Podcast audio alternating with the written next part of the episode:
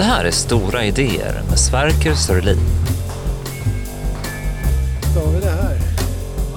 Hallå David. Hej. David Turfjell är professor i religionsvetenskap vid Södertörns högskola. Han blev känd i en vidare krets med boken Granskogsfolk om svenskarna och deras romantiska kärlek till naturen. Visst kan man ana en andlighet djupt där inne i skogen? Hans nya bok heter En lockton i ödemarken om människans förmåga att besjäla världen. Den religiösa upplevelsen som standardiseras på liksom, vid förra sekelskiftet var ju egentligen bara det sublima. Det är ju väldigt snarlikt, att man tar någonting från konsten, gör det till religionens kärna. Sverker Sörlin är professor i miljöhistoria vid Kungliga Tekniska Högskolan. Han har vunnit Augustpriset för sitt tvåbandsverk om Europas idéhistoria. Några av hans senaste böcker handlar om att försvara bildningen, om antropocen och om krisernas historia. Dagens politiker klättrar på stora idéer. Ibland vet de inte ens om det själva. Välkommen till min podd. Jag söker det som rör sig under det dagspolitiska. Särskilt i form av ideologi och politisk teori. Och ibland sånt som inte ens räknas som politik. Och idag har jag bjudit in religionshistorikern och författaren David Turfjell. Välkommen hit. Tack ska du ha. Jag tycker alltså inte minst att den här boken som du har skrivit, En lockton i ödemarken, visar hur det finns religiösa idéer och eh, känslor som kan på något sätt eh, röra sig i närheten av samma typer av idéer och känslor som kan väcka människor politiskt. Alltså finns det ett sorts släktskap? Hur ser du på väckelsen till, till olika typer av anslutningar som människor kan göra till läror och sådär?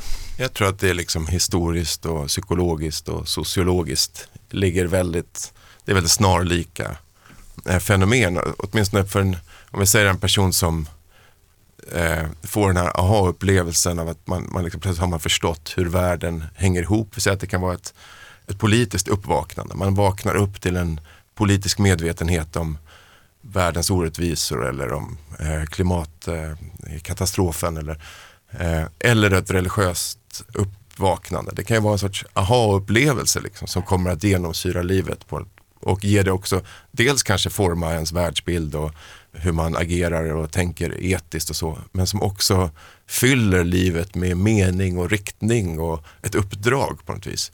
Så på en sån liksom, psykologisk eller vad man ska säga då, nivå så tror jag att det kan vara väldigt snarlikt. Eh, men sen är det klart, om man ska, och det här, man, på ett sätt är den här boken en, jag försöker upplösa lite gränsen mellan eh, mänsklig religiös kultur och mänsklig icke-religiös kultur på de här olika områdena som finns. Alltså, det är mening och det är tro och det är gemenskap och det är riktning och, och olika sådana här saker som alla människor har. Och, men religionerna skiljer sig åt, och man, alltså, man får stipulera en definition då helt enkelt. Men om man tar en så här ganska common sense definition av religion så har ju religion med någonting övernaturligt och gudomligt att göra. Och det kan man väl se som bara ytterligare liksom en förstärkning då av de här eh, gemenskaperna och känslorna och övertygelserna som finns hos alla människor, även sekulära. Så att man på något sorts, om man liksom strukturerar olika läror så finns det ju skillnad förstås mellan socialismen eller liberalismen och kristendomen och islam. Eftersom de, har, de här senare då har med den här transcendenta dimensionen. Mm. Men i vad de betyder i människors privata liv så kan de ofta vara ganska snarlika. Mm. Alltså, eh, du har ju några ganska konkreta anknytningspunkter i boken också till något man skulle kunna kalla förhållandet mellan religion och politik. Terrorist, dåd far förbi som 9-11 till exempel. Ja. Eh, du pratar inte minst om religiöst motiverad brist på yttrandefrihet i Iran, alltså det förtryck som finns där. Du nämner också nationalkonservativt svärmeri för kyrka och tro och sådär som någon sorts inslag i patriotisk lojalitet. Det, det, du snuddar vid det vid flera tillfällen, men du är också inne på på skillnader. Och jag tänker det finns ju ett etablerat sätt att beskriva en sorts standardversion av förhållandet mellan politik och religion i västerlandet. Nämligen att modernisering och upplysning inte minst förklarade liksom att, eller separerade egentligen tro och vetande. Så att vi har å ena sidan en tro, det är mycket privat och sådär personligt. Politiken gäller gemensamma angelägenheter, det kan inte vägledas av trons doktriner. Och att tro och vetande därför var ett, så, nästan en sorts motsatser på ett, på ett sätt. Och också kommunicerande kärl. Fick man mer upplysning fick man mindre tro och tvärtom. Men när man läser din bok så tycker jag att den här standardberättelsen man inser att den är problematisk på något sätt. Eh, hur ser du själv på det där? Ja, men jag tror att när det gäller, alltså man måste skilja på historia, samhällsanalys, kulturanalys, hur vi förstår kultur och historia från ett akademiskt perspektiv och juridik. Det här är liksom en grunddistinktion. Det finns, och juridiken är ju ett sorts samling abstraktioner. Liksom, som, som bygger på, ja men egentligen, eh, de är konstruerade trosföreställningar skulle man kunna säga. Att, att, att, man har ett kontrakt, att, eh, att en lag gäller, att någon äger någonting, att någon inte äger, att någon är skyldig. Eller, alltså det, juridiken är ett väldigt märkligt system. Eh, men juridiken har liksom ett signalvärde. Liksom som är, som, vi, vi strukturerar vårt sam, våra samhällen genom juridik.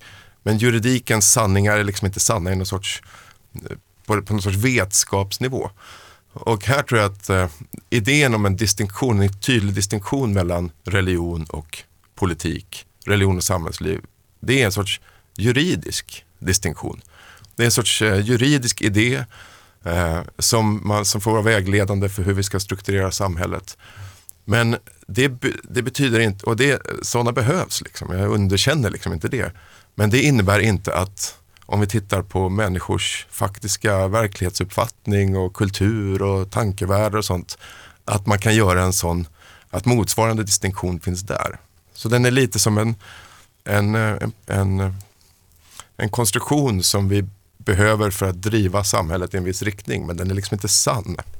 Men, jag, menar? Jag, jag, tror jag förstår vad du menar med, med vägledning av din bok.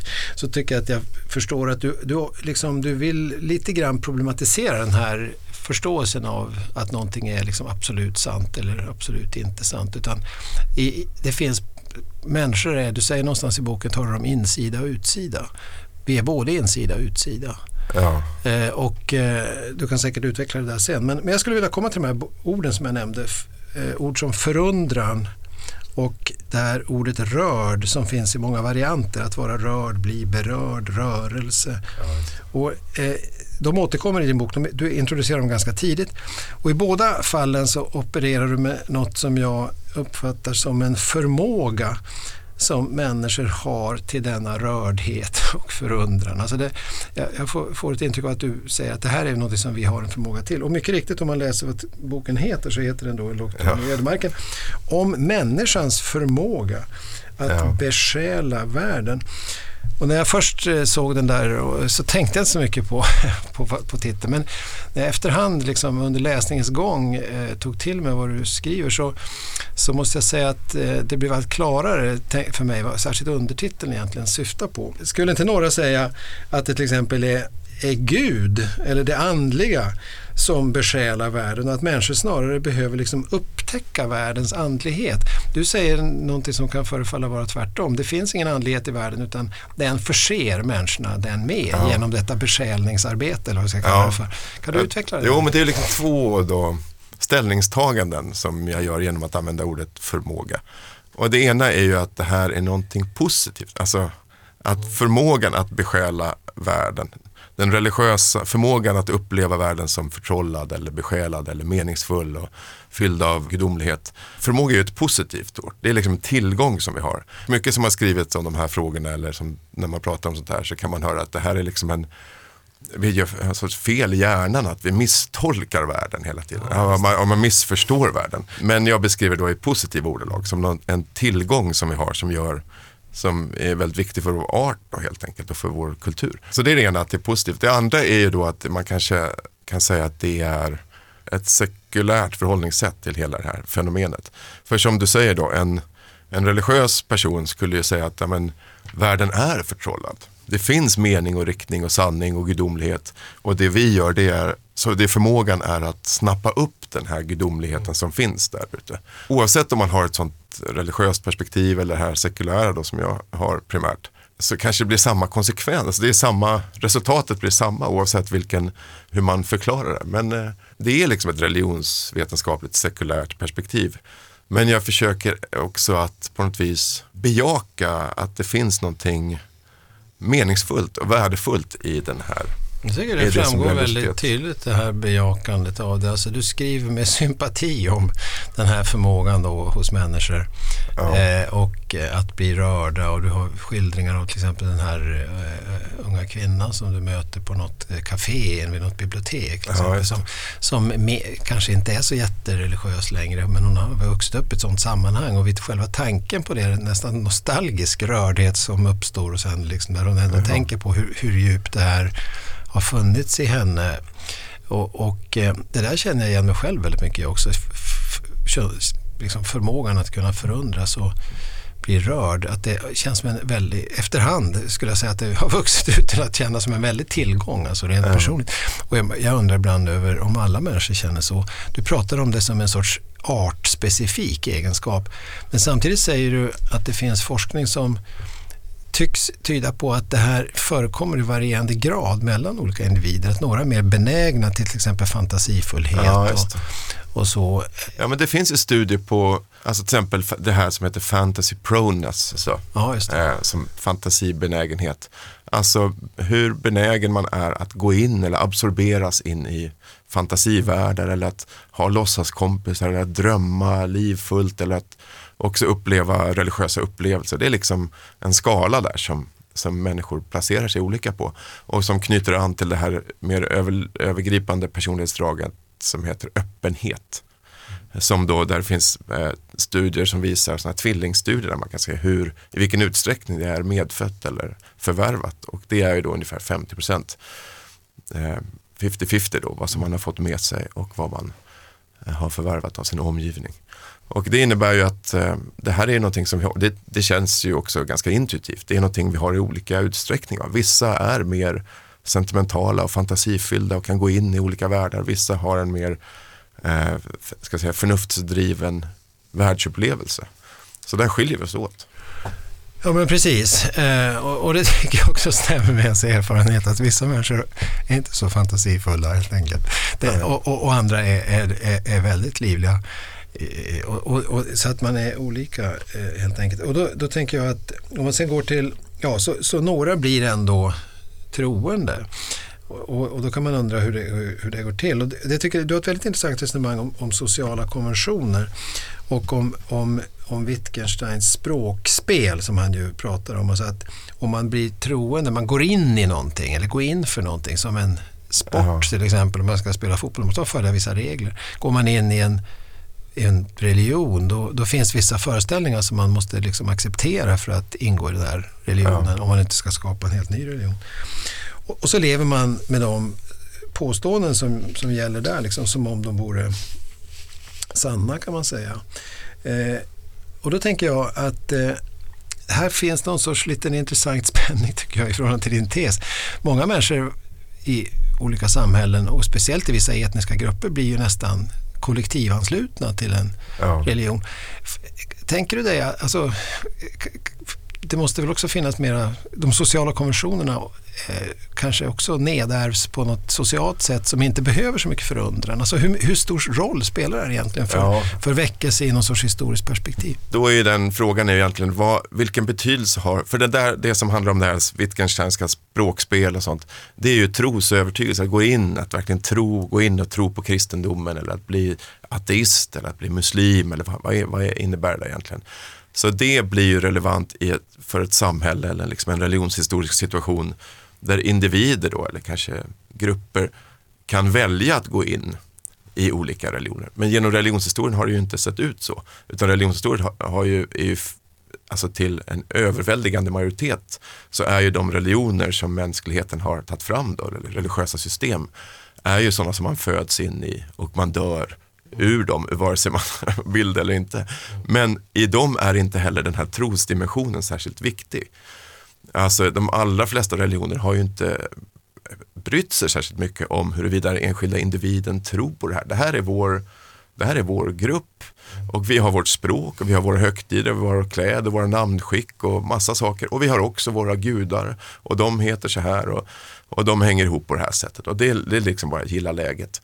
Så att frågan om, det blir lite anakronistiskt om man tar den här trosfrågan och lägger den som, som om den vore den viktigaste frågan i hela religionshistorien. Utan det är liksom i en individualistisk, det, dels är det kristet, muslimskt i viss utsträckning eh, och det är också modernt och det är speciellt protestantiskt. Så det är liksom, mm. de olika resonemangen eller diskussionerna är olika relevanta för olika eh, tidsperioder. Men, men, du börjar den här boken genom att berätta om en tonårskille som avviker från föräldrarnas bil i Indien under en paus av något slag. Och den killen är du själv. Ja, en en liksom grundambition med den här boken, det var att jag ville tillbaks, alltså för mig personligen, det var att jag ville tillbaks till min grundfascination för religionshistoria. Varför, har, har jag liksom, varför gör jag det här egentligen? Var, var börjar det någonstans? För att hitta någon sorts nerv och eh, entusiasm hos mig själv kring ämnet. Jag ville hitta tillbaka till grundimpulsen.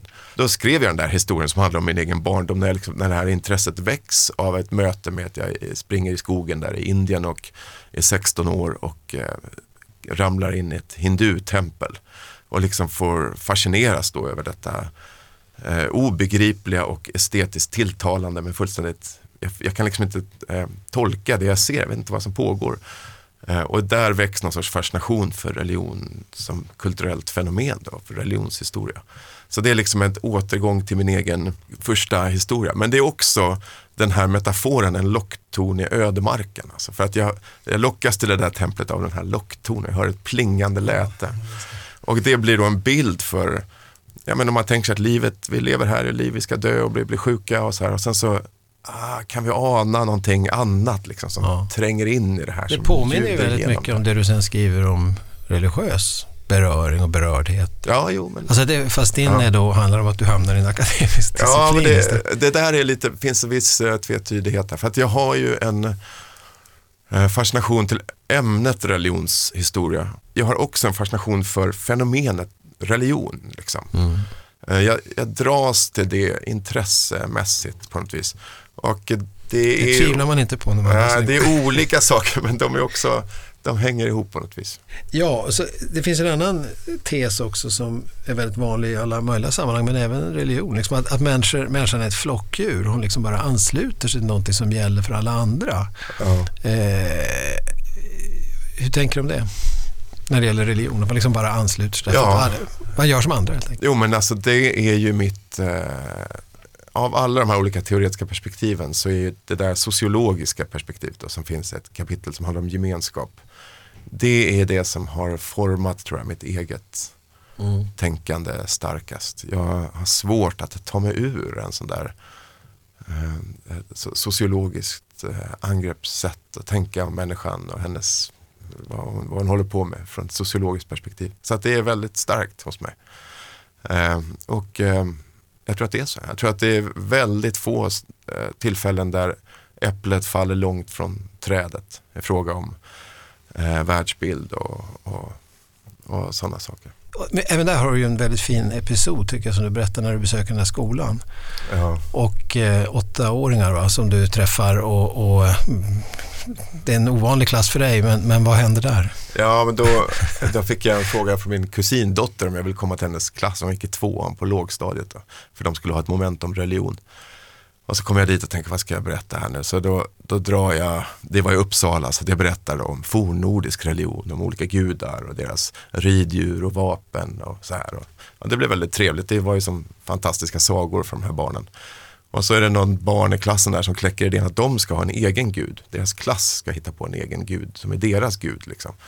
Och så hittar de på en gud där, på, går på en nolltid alltså, så har de skapat en gud som är, han skulle heta Gullbert och rida på en gris och ha en penna i handen och hans symbol skulle vara en blyertspenna. Då. Och det ligger då en liten sån gul blyertspennestump på katedern som jag visar för dem. Och, och sen när de, det är väldigt uppsluppen stämning och då när, när de är så glada över denna Gulbert och de sitter och ritar bilder på honom och sådär.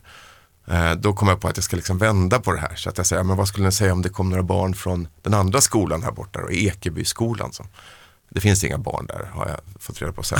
så, så det, det, är inga barn som behöver känna, behöver känna sig träffade av detta. Men vad skulle, vad skulle ni säga om det kom några barn från Ekebyskolan och eh, kom in här och så spottar de på den här pennan, spottar teatralt på den här lilla blyertsstumpen så här, och slängde den i marken. Liksom. Vad skulle ni säga då? Och då bara blir det total tystnad i klassrummet och sitter helt still. Så här. Och sen så är det en flicka som räcker upp handen och säger jag känner ilskan pirra i hela kroppen. Och sen så är det en tyst pojke som har suttit längst bak hela, hela lektionen och räcker upp handen och säger bara jag skulle döda Ekebybarnen. jag skulle döda Ekebybarnen. Så, och då blev det som en, det var ju kanske inte det de här fröknarna hade hoppats på när de bjöd in en gästföreläsare. Men, eh, men det var en fin illustration då till den här religionshistorien på något vis. Den här gemenskap, hur man skapar en gemenskap, hur man förlägger den här gemenskapen i eh, symboler som är externa då. Ja, det, I det här fallet den här pennan. De hade fått sitt totem kan man säga. Ja, de hade fått ett totem, precis. Så det är totemteorin illustrerad. På men, några, men det, det, tycker jag var en stark och humoristisk och samtidigt gripande historia. Eh, och eh, det är också en illustration till vad jag tror att du uppfattar som styrkan i de här gemenskaperna. Och det knyter ju an väldigt mycket till nationalismforskning till exempel. Ja. Att vi, vi vet att det kan vara kolossala krafter i rörelse och det kan finnas händelser som har skett för tusen och två tusen år mm. sedan som fortfarande är en enorm trastfältet Precis. betyder ännu väldigt mycket. Eh, eller olika gamla slag och sånt där.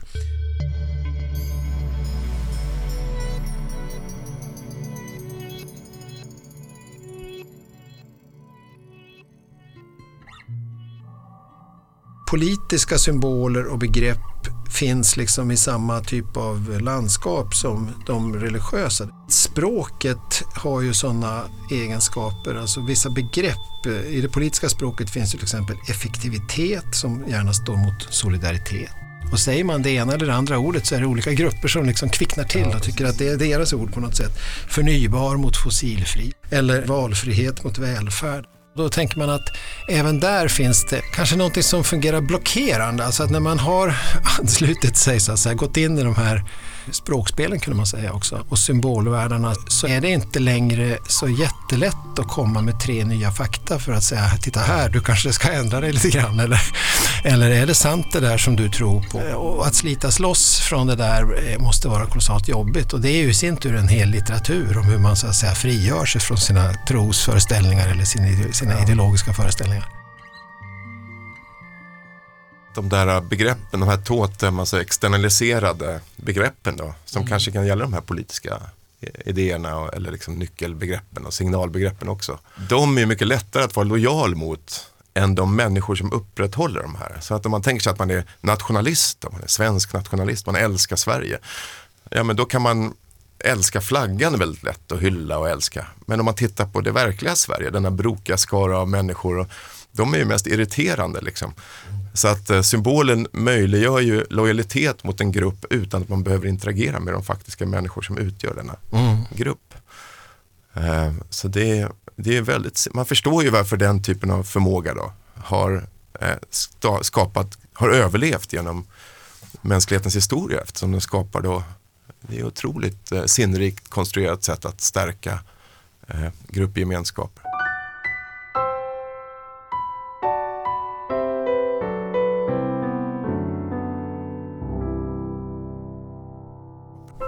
Alltså jag har en, en episod som gjorde väldigt intryck på mig. Jag bodde i England på 00-talet och under något av de där åren så, eh, så var det en sen sån här tv-show som jag brukar titta på. Just den kvällen var det Richard Dawkins, ja. som förut inte förekommer i din bok. Det tycker jag var intressant.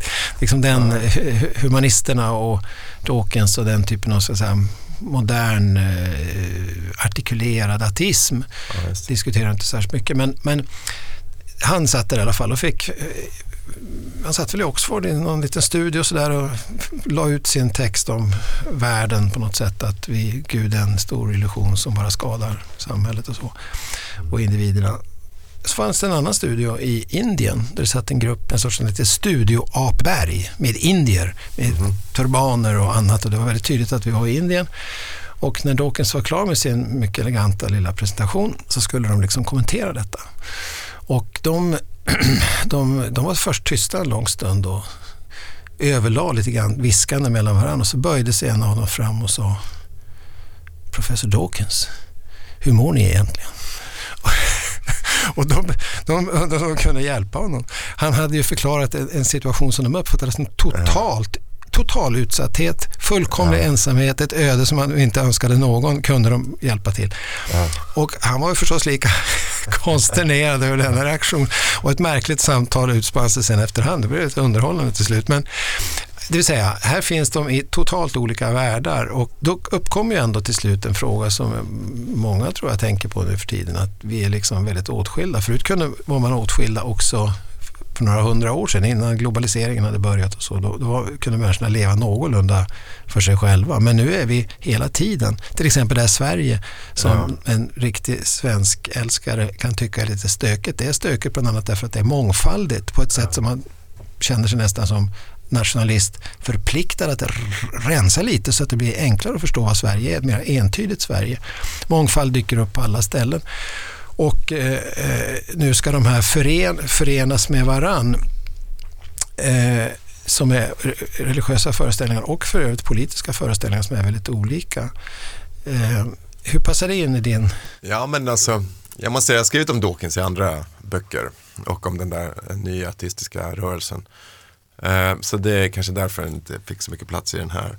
Men eh, en sak är ju om man tittar på hela sekulariseringen och liksom upplysningen och så här. Oftast så från upplysningshåll då, så ser man ju ofta det som en sorts befrielse. Berättelsen är en berättelse om en befrielse. Vi, vi kastar av oss ett ok av självpåtagen omyndighet som Kant mm. definierar upplysning som.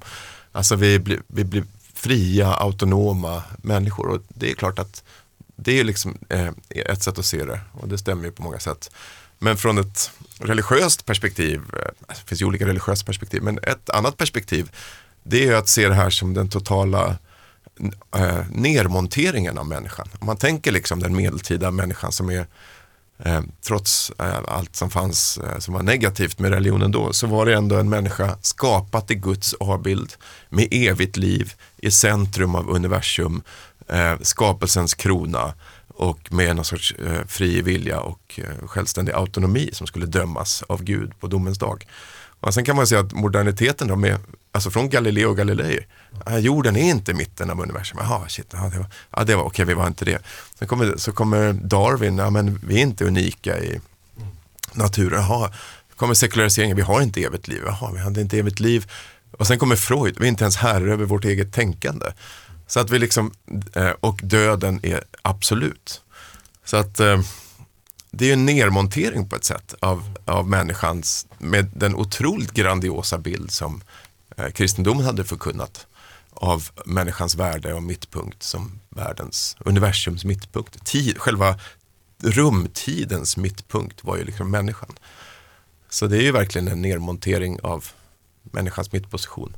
Eh, jag tänker på att rätt mycket i den här boken vetter också mot man, något man kunde tala om som drama eller iscensättning och så. Vi, vi pratar ibland om politisk ingenjörskonst men jag kan inte minnas att jag har hört någon tala om religiös ingenjörskonst. Nej, men det skulle man nog kunna. Man kanske skulle kunna göra det, men ja. det, det liksom inte ligger... Och det tror jag hänger ihop med att vi föreställer oss religionen som i någon mening också en sorts eh, dra dramaturgi. Liksom. En, en iscensättning av människans liv från vaggan till graven och bortom graven. Liksom, att det ska finnas ja. någonting mer och sådär.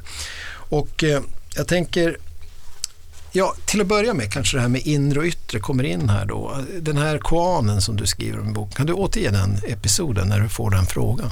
Um, ja, jag ska försöka tänka på vad det var för poäng jag illustrerar med den där. Men det är då Ja, men jag får en koan, det var intressant. Jag träffar en zen. Eh, Precis, en skriver jag träffar en zen-mästare då.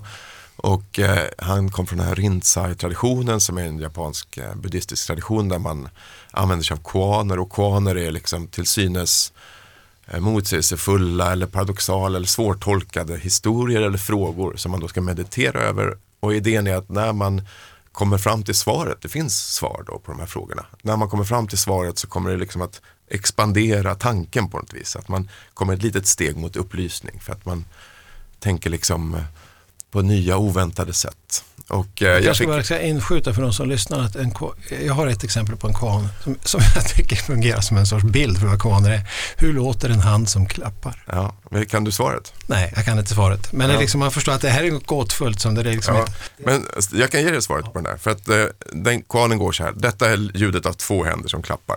Och så klappar jag med båda händerna. Eh, och då tänker man sig att svaret ska vara något förnuftsmässigt. Hur, låt, hur lät den ena handen i frågan? Och då är det många som svarar så här, ja men den lät som 50% av ljudet eller inte alls. Eller man försöker tänka ut någonting. Men svaret på den konen, nu är det här eh, bara ljud så det går inte att visa, men det är då att jag gör handrörelsen. Så att jag- jag rör ena handen så som när bara ena handen var med. Och det låter inte alls. Så det är ljudet av en hand som klappar. Och det som är grejen då, då om man ska tolka det är ju att man gör ett svar med kroppen. Så att, ah, det var inte uppe i huvudet utan det var kroppen. Och då någonting som expanderar där. Man behöver inte bara vara uppe i huvudet utan man kan också kan svara med sin kropp. Så på något sätt har det expanderat tanken lite. Och den här koden som jag fick då, den var, eh, om jag ska berätta den så var det så här, det var det är eh, i form av en berättelse. Och berättelsen är så här, det finns en stor skog. I mitten av skogen finns en mörk kärn. Nedsänkt djupt i kärnan ligger en sten. En sida är alltid torr, en sida är alltid blöt.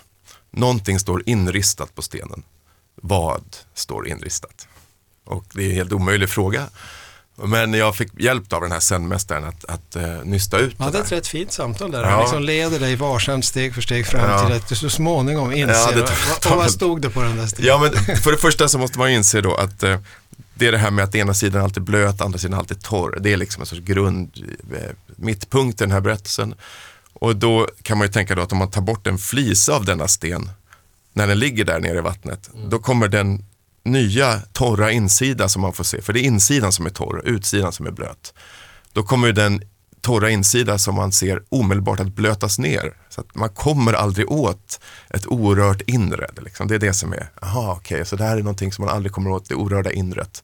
Och vad är det man inte kommer åt det för? Jo men det måste ju vara den enskilda människans själ. Och sen så gissar jag en massa saker, själ och det är fel. Och jag gissar på personen, ens eget ego, ens eget tankeliv, ens, ens innersta essens, allt är fel. Och till slut så svarar jag då att det som står inristat på stenen är David, alltså mitt eget namn. Och då, det tog väldigt lång tid att komma fram dit, men när jag gör det så, och då är det rätt svar, då blir det en otrolig lättnad.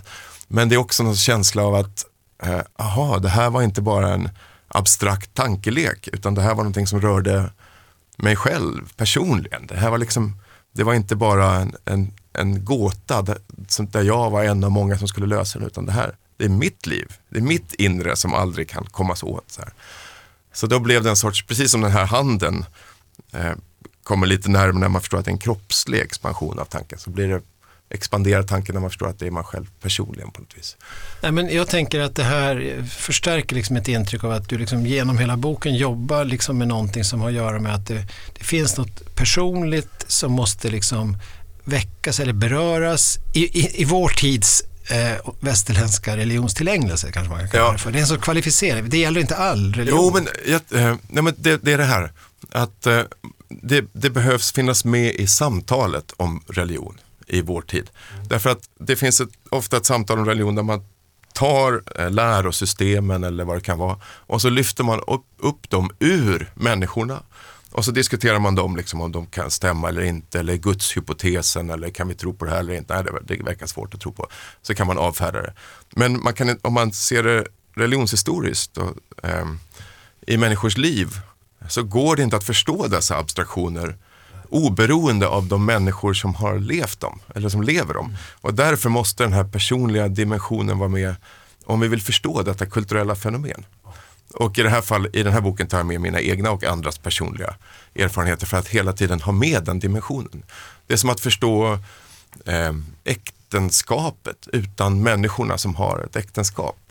Alltså man, det, det är ett djupt person, även om det är en abstrakt filosofisk konstruktion det här, religiösa läror. Men de är också djupt personliga och kända och erfarna. Ja, just det. Jag skulle, min egen bild av det här som du har gjort, det, det, det tycker jag är så här att om man skulle jämföra med äktenskap, man gifter sig inte på grund av principer. Man gifter sig på grund av att det finns någon sorts innehåll. Och det här innehållet är ofta väldigt starkt emotionellt. På samma sätt så är det kanske inte för principernas skull eller dogmernas skull. Man liksom räknar upp, jag har en tre, fyra, fem fina dogmer i den här religionen, det verkar bra, den, den tar jag. Ja, Utan du berörs på något annat sätt och så.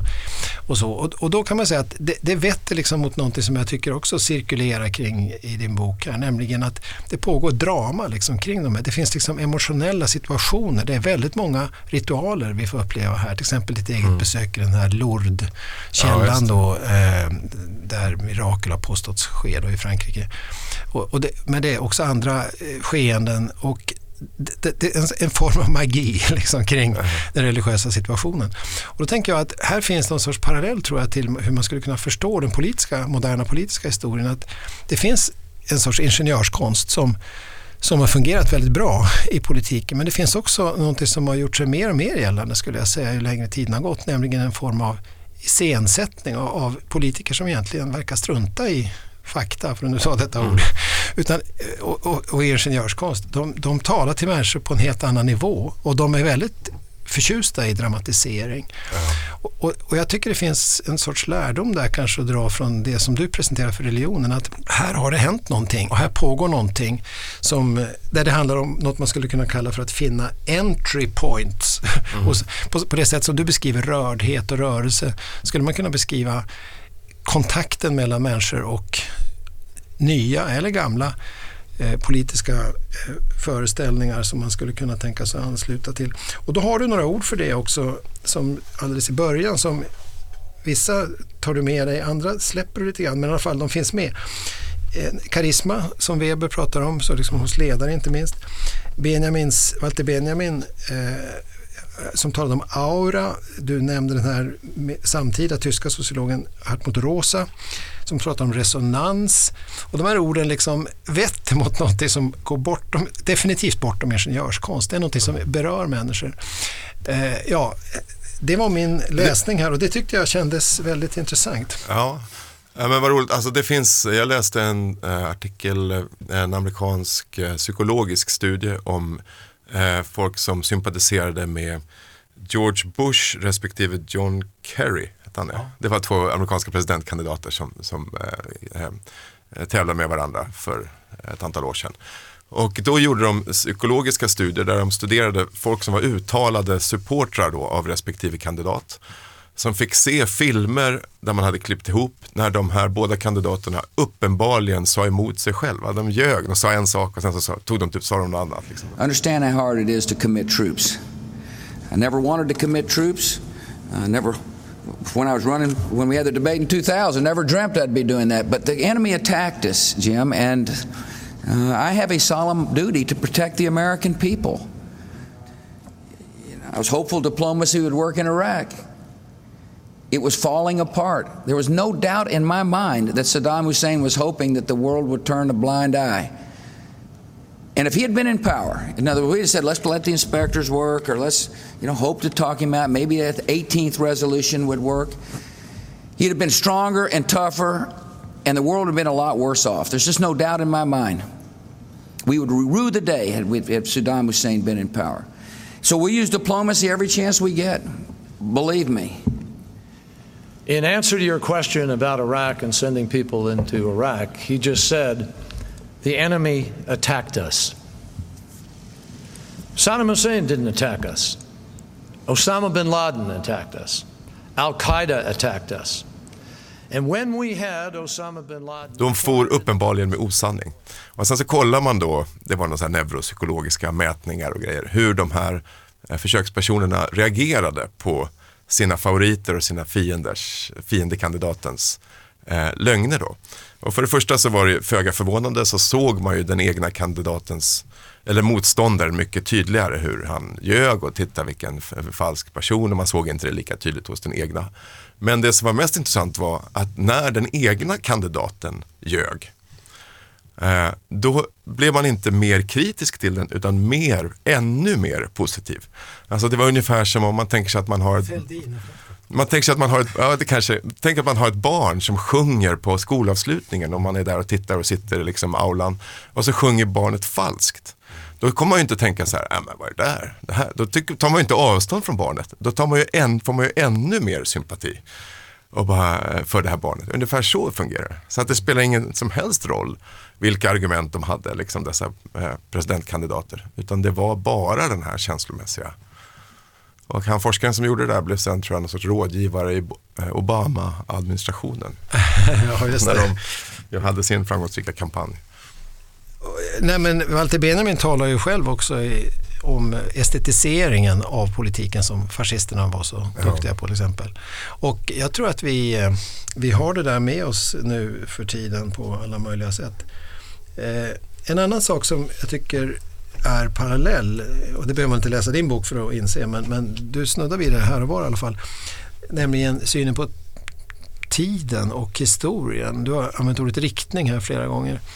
Och eh, det finns, som du var inne på, paralleller mellan ideologiska, metafysiska scheman för historien, kanske särskilt socialismens föreställningar om det. Och eh, motsvarande religiösa eh, metafysiska föreställningar. Man går från ett tillstånd till ett annat och framtida lyckoriken kan uppkomma. Och, så ja.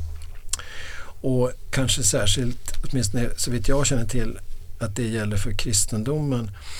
Eh, Ja, hur ser du på det? Hur, hur, viktigt är det med den här typen av, för att bli berörd, så att säga, för, att dra, för att enrolleras i den religiösa upplevelsen? Kan, vilken, vilken betydelse har det här med riktning och tid?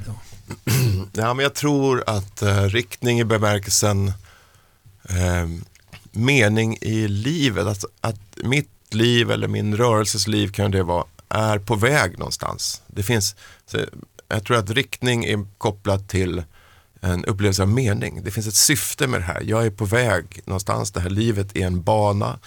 Eh, jag ska testas eh, och prövas på olika sätt.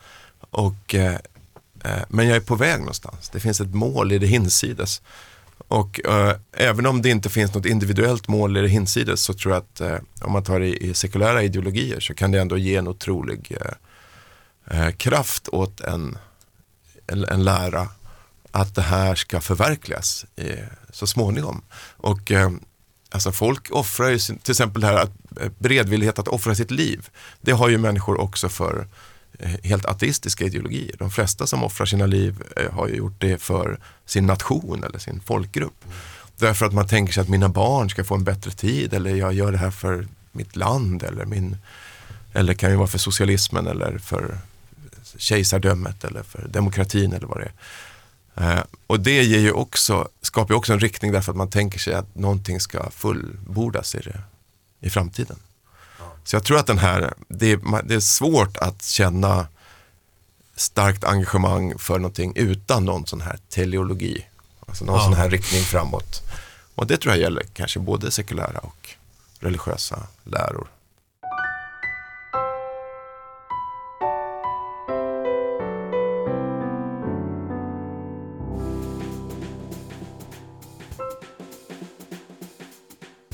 Nu är det dags för mig att planera resten av säsongen med stora idéer. Vilka teman borde jag ta upp tycker du? Vilka tankar har väckts hos dig som lyssnar hittills? Du som vill kan mejla mig på adressen podd arenagruppen.se podd arenagruppen.se Vi hörs! Min stora upplevelse var någon gång för evigheter sedan när jag läste Schopenhauer och om Schopenhauer. Det här med alltså upplevelsen av konst. Ja. Att när han står inför konstverket och blir verkligen berörd. Det kan vara vilket konstverk som helst egentligen. Det, det måste inte vara ett speciellt motiv eller så utan då man går in i det och upplever någonting som, och, och, plötsligt växer den här situationen, verket växer, man själv också växer eller ja. krymper på något sätt. Man, man, man, man träder in i en erfarenhet som har vissa absoluta drag. Och den tycker jag har påminner rätt mycket om eh, religiösa upplevelser. Ja, men alltså, verkligen, och jag tror att eh, eh, Rudolf Otto och de här första religionshistorikerna som formulerar sätter ord på vad en religiös upplevelse skulle vara. Då. Att det är någon sorts blandning av eh, attraktion och förskräckelse, tremendumet, fascinans och, och det är den här känslan av bävan och det numinösa och sådär och en sorts gränsupplevelse de hämtar ju intryck direkt från den här eh, eh, konstteorin. Den religiösa upplevelsen som standardiseras på liksom, i förra sekelskiftet var ju egentligen bara det sublima. det är ju väldigt snarlikt. Att man tar någonting från konsten och gör det, protestantiska teologer gör det till religionens liksom, eh, liksom kärna. Men det, jag tycker, det viktiga här kanske, för mig i alla fall, det är då just trafiken mellan konst, religion, politik. Alltså det, det, det är en sorts eh, eh, känns inte bara intellektuella impulser eller att man lånar idégods och sådär utan det är också någonting med själva känsloregistret som, som är lite flyttbart. Ja. och som, som gör att man kanske har glädje. Jag tycker helt enkelt att man har väldigt mycket glädje av din bok när man ska, man ska tänka på politik och politisk teori och politisk ideologi och mobilisering och olika typer av aversioner och spänningar som uppkommer i ett samhälle. De finns och då menar jag att religionshistorien presenterar en sorts prov, mycket rik provkarta på sådana här saker. Ja. Och den är ju dessutom, tycker jag, som man märker hos dig i alla fall, väldigt mycket förankrad i, eller åtminstone i resonans med eh, psykologisk forskning, sociologi, liksom en bred, eh, bred palett av eh, underliggande liksom, eh, kunskapsstoff som, som du liksom absorberar upp i din ja. beskrivning av det religiösa inte bara tankelivet då, utan känslolivet. Ja, ja men vad roligt. Men får jag komma tillbaka till Paulus, därför att jag, jag måste säga att där tyckte jag jag såg någonting som jag inte riktigt hade tänkt på förut.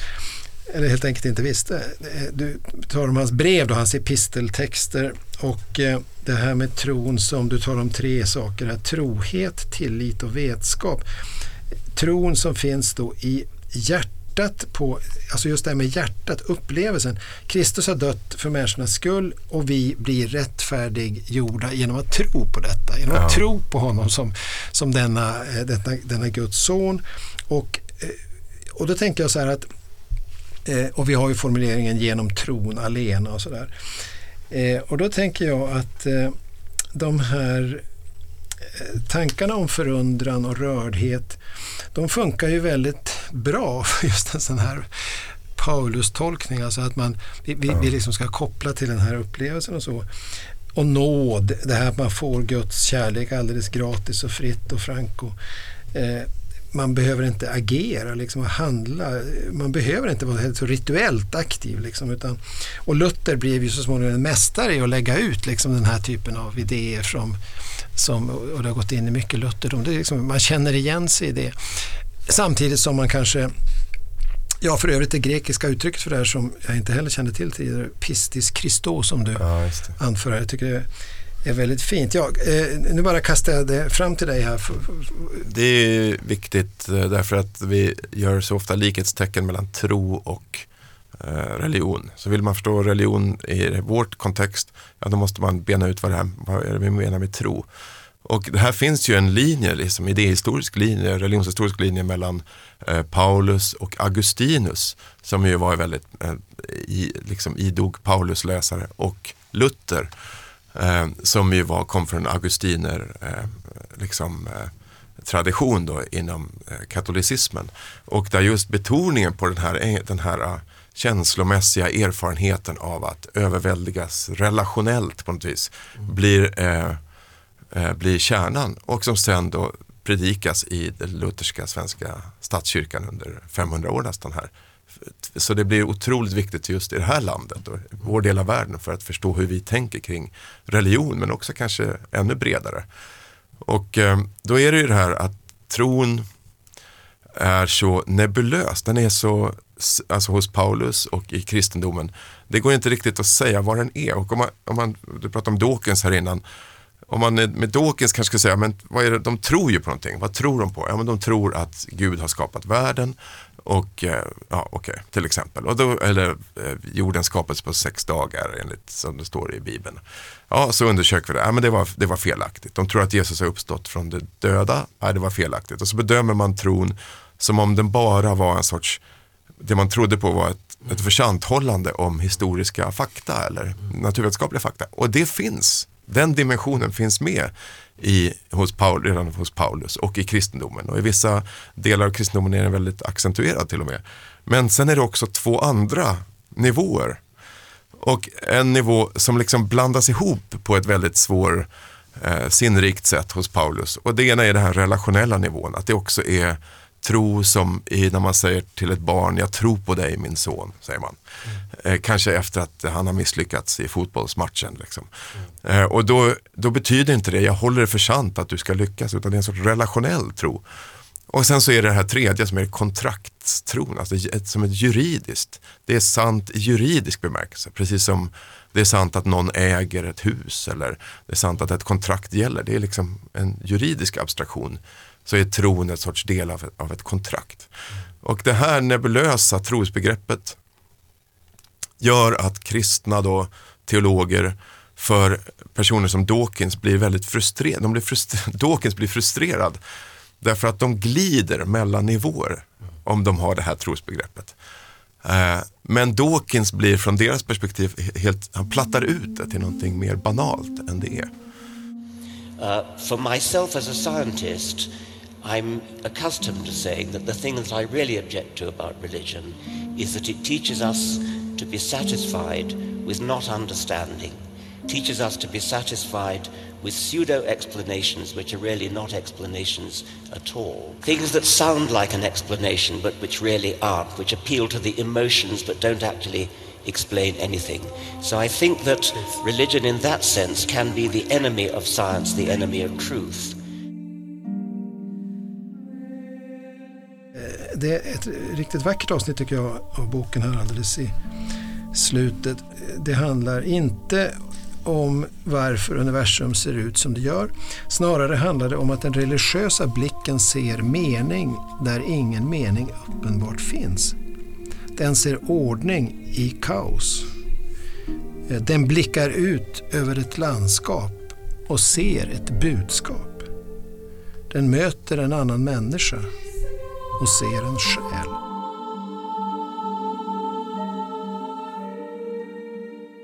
Religion som du skildrar den är väldigt mycket en fråga om meningsskapande och att det tror jag vi vet från andra discipliner också, att annan kunskap att, att vi behöver mening. Det är svårt att leva utan mening helt enkelt. Man måste liksom ha någonting att tro på för att också orka leva. Och det där med riktning har vi också berört. Men just där så börjar jag också fundera lite extra mycket över den som skriver dessa i och för sig vackra då, rader men, men också lite distanserande och lite analytiskt summerande. Vad pågår i honom själv? Du besöker väldigt många olika religiösa kontexter eh, och du berättar om episoder i ditt eget liv och sådär. Ja, hur, hur, hur, hur, passar du själv in i den här beskrivningen? Um, ja, men jag är... Jag gör en skillnad på liksom hur jag, vad jag håller för sant om världen och hur jag erfar världen. Och jag tillhör som jag skriver i boken också, jag är ju färgad av ett religiöst familjeförflutet som, från mina föräldrar och bakåt. Alltså det, är, det är fullt av religion. Religion är ett starkt tema i min släkthistoria. Jag, eh, växte upp med det. Och jag är också, tror jag, en, en lagd åt det här hållet. Jag har, jag har nära till den här typen av religiösa eh, spontantolkningar mm. av tillvaron. Så att jag, har inte, jag, är, jag är inte alls så här helt främmande inför de här stämningarna utan det är någonting som jag, de, de kommer direkt för mig.